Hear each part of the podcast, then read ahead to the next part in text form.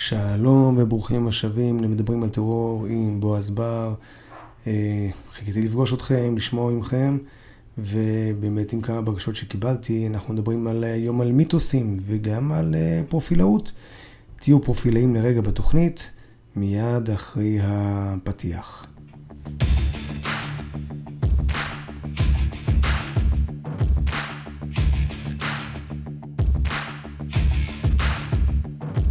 אז דווקא נתחיל אה, הפוך, נדבר אה, קצת אה, מה זה profiler. הייתה סדרה מאוד מפורסמת ב-NBC משנת 96 עד שנת 2000, סדרה שנקראת Profiler. מה בעצם עושה הפרופילאי?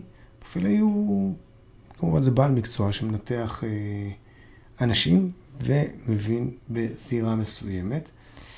ובדרך כלל יש איזה מסלול לימודים אה, מאוד אה, ייעודי וגם עם תארים, אבל אנחנו לא נכנסים לזה עכשיו. אנחנו אה, נדבר למה, למה אני רוצה שתהיו היום פרופילאים ותבינו קצת על הטרור, מה עושה בעצם פרופילאי. יש פרופילאי פלילי, וזה הפרופילאות הראשונה שהתפתחה, והיא התשתית והמודל לכל התחומים האחרים של הפרופילאות.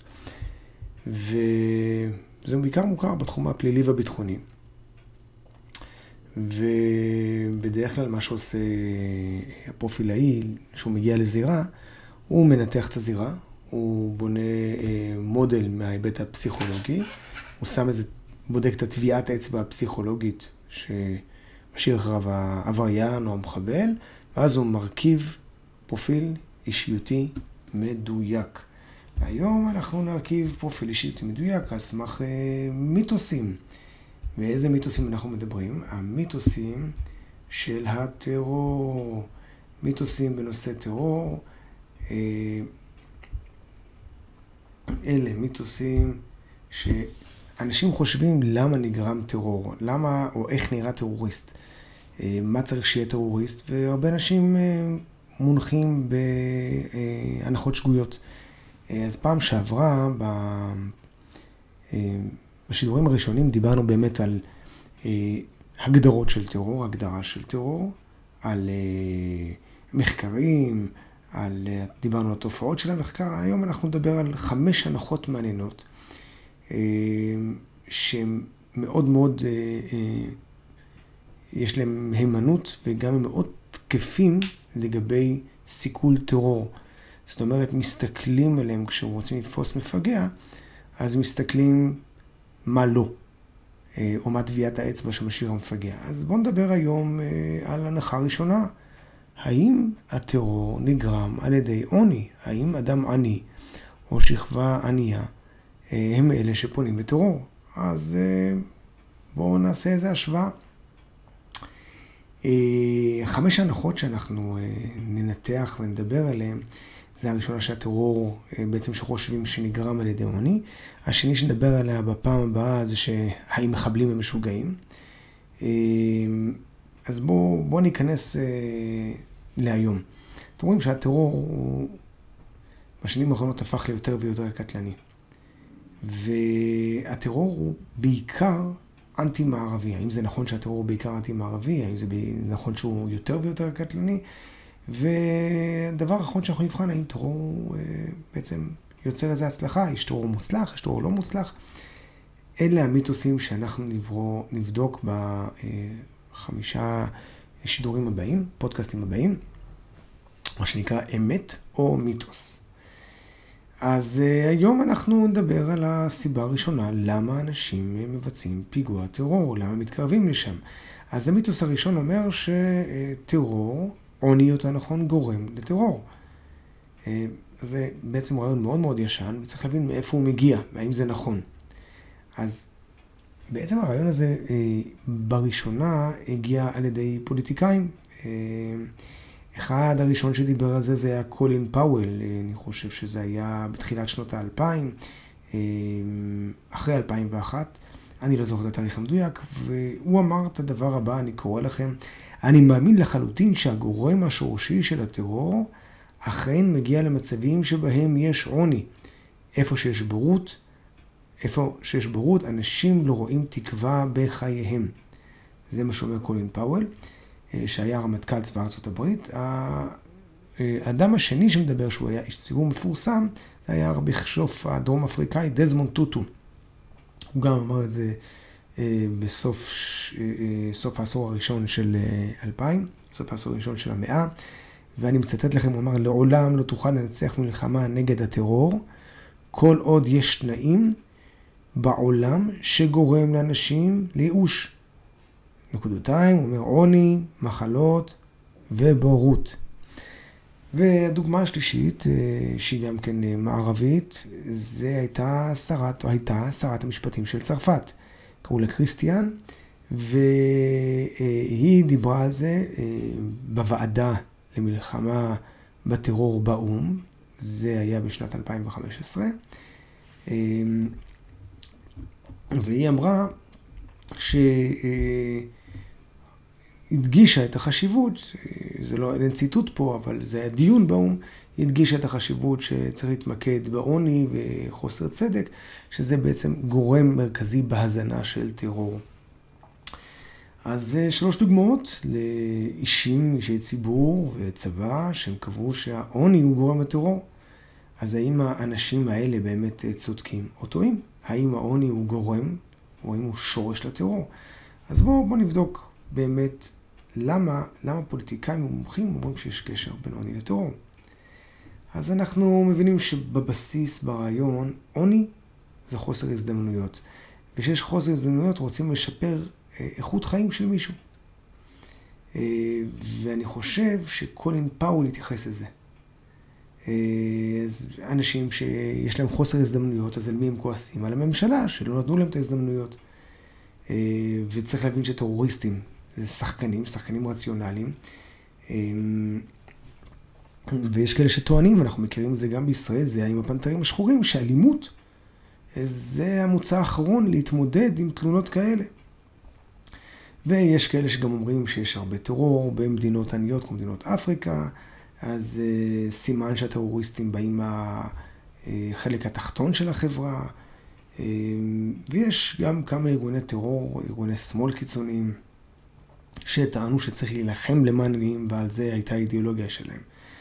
וככה הניחו שיש קשר סיבתי בין עוני לטרור. אז בעצם אה, למה צריך לבדוק את ההנחה הזאת? כי כדי להגיע ולסכל טרור, אם אנחנו נתייחס לאדם שאנחנו חושבים שהוא מפגע, הוא מגיע משכבת העוני, אז נחפש רק בשכבת העוני.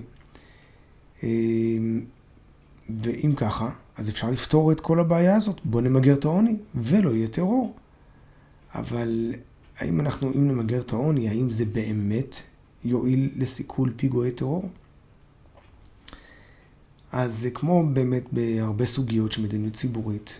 אה, מי שאחראי וקובע בעניין של האטי אה, מדיניות, בעניין של לוחמה בטרור, אה, הם מתמודדים עם, עם, עם אותה בעיה, בעיה של הקצאת משיבים, של כסף, של זמן, של אנשים, ואם אתה מוציא את הכסף הזה מיגור העוני, אז אי אפשר להוציא את זה על משהו אחר.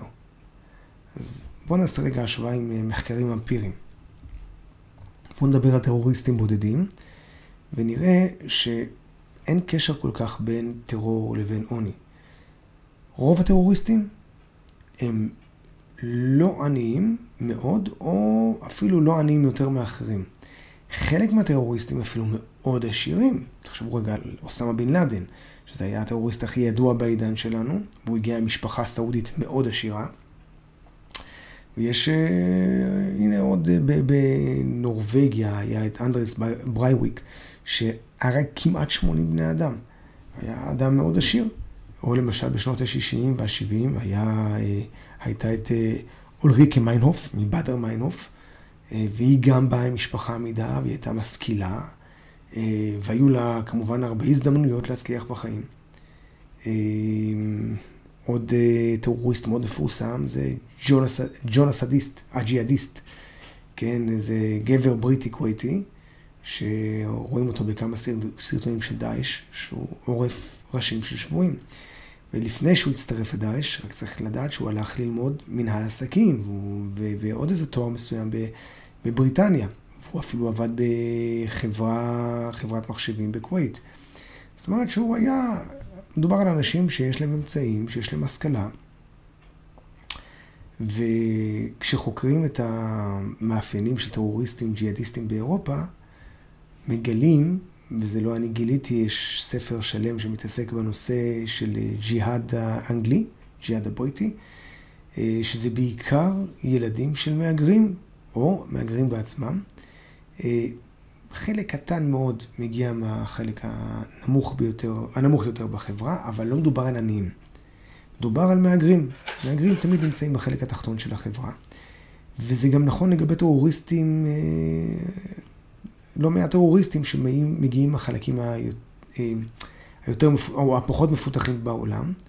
הם, חלק גדול מהם הם אולי לא עשירים, וגם אולי לא בני מעמד בינוני, אבל עניים הם לא. אה, וזה מוכח בהמון מחקרים והמון פרופילים שבונים לטרוריסטים. אז בואו רגע נחזור למפה של אה, פיגועי טרור בשנת 2019, שזה מבוסס על אה, מאגר נתוני הטרור העולמי לשנת 2020 של המכון לכלכלה ושלום. אז אם אה, נסתכל רגע במפה, נראה שאפגניסטן, עיראק, ניגריה, סוריה וסומליה הם המדינות שמתמודדות עם הכי הרבה טרור. ושאר המדינות, עשר המדינות שנפגעו, אמרנו שהיו עשרים מדינות שנפגעו הכי קשה. שאר עשר המדינות זה תימן, פקיסטן, הודו, אה, פיליפינים, אז באמת זה המדינות הכי עניות בעולם. אז אם אנחנו נסתכל על הנתונים הסטטיסטיים של אה, קרן המטבע הלאומי, אז אה, על התוצר המקומי הגולמי של מדינות ב-2020, אז חוץ מעיראק, שהיא במספר 101 ברשימה, המדינות האחרות הן באמת אה, נמנות עם החצי של, החצי העני של המדינות בעולם. אה, אבל אה, פיליפינים, ניגריה, אפילו סוריה שיש שם מלחמת אזרחים, הודו, פקיסטן, ממש לא נחשבות בין העניות ביותר. רק אפגניסטן ותימן ועיראק. והן נמצאות בתחתית הרשימה. אם נסתכל על מדינות שנמצאות ממש נמוך ברשימה, אז נסתכל על מדינות שבכלל אין להן, בכלל לא חוות טרור. אה, כמו ברונודי, מלאווי, מדקסקר, סיירה ליאון, טוגו. יש להם הפיכות, אבל אין טרור.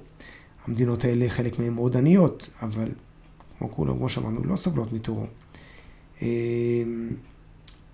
עם כל זה, אפשר לומר שהיום יש מדינות עניות שהן מושפעות, שהן נמצאות ברשימת המדינות שמושפעות מטרור, וזה שונה ממה שהיה בעבר. אם ניקח למשל את הטרור השמאלני שהיה בשנות ה-60 וה-70, אז מדינות אפילו כמו גרמניה, איטליה, יפן, הם נפגעו מטרור שמאלני, ומדינות בין העשירות בעולם.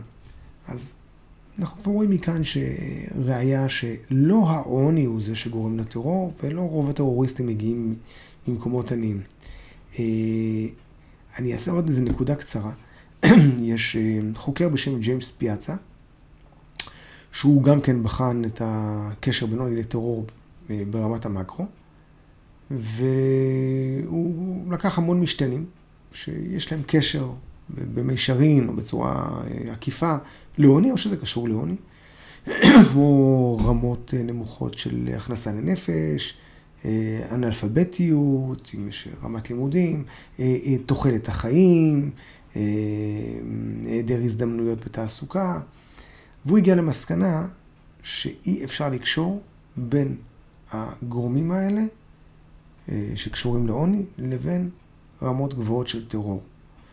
היו עוד שני חוקרים, אלן קרוגר וג'יט קמלקובה, היה להם מחקר מאוד מפורסם, גם כן חקרו את הקשר בין עוני וחינוך וטרור.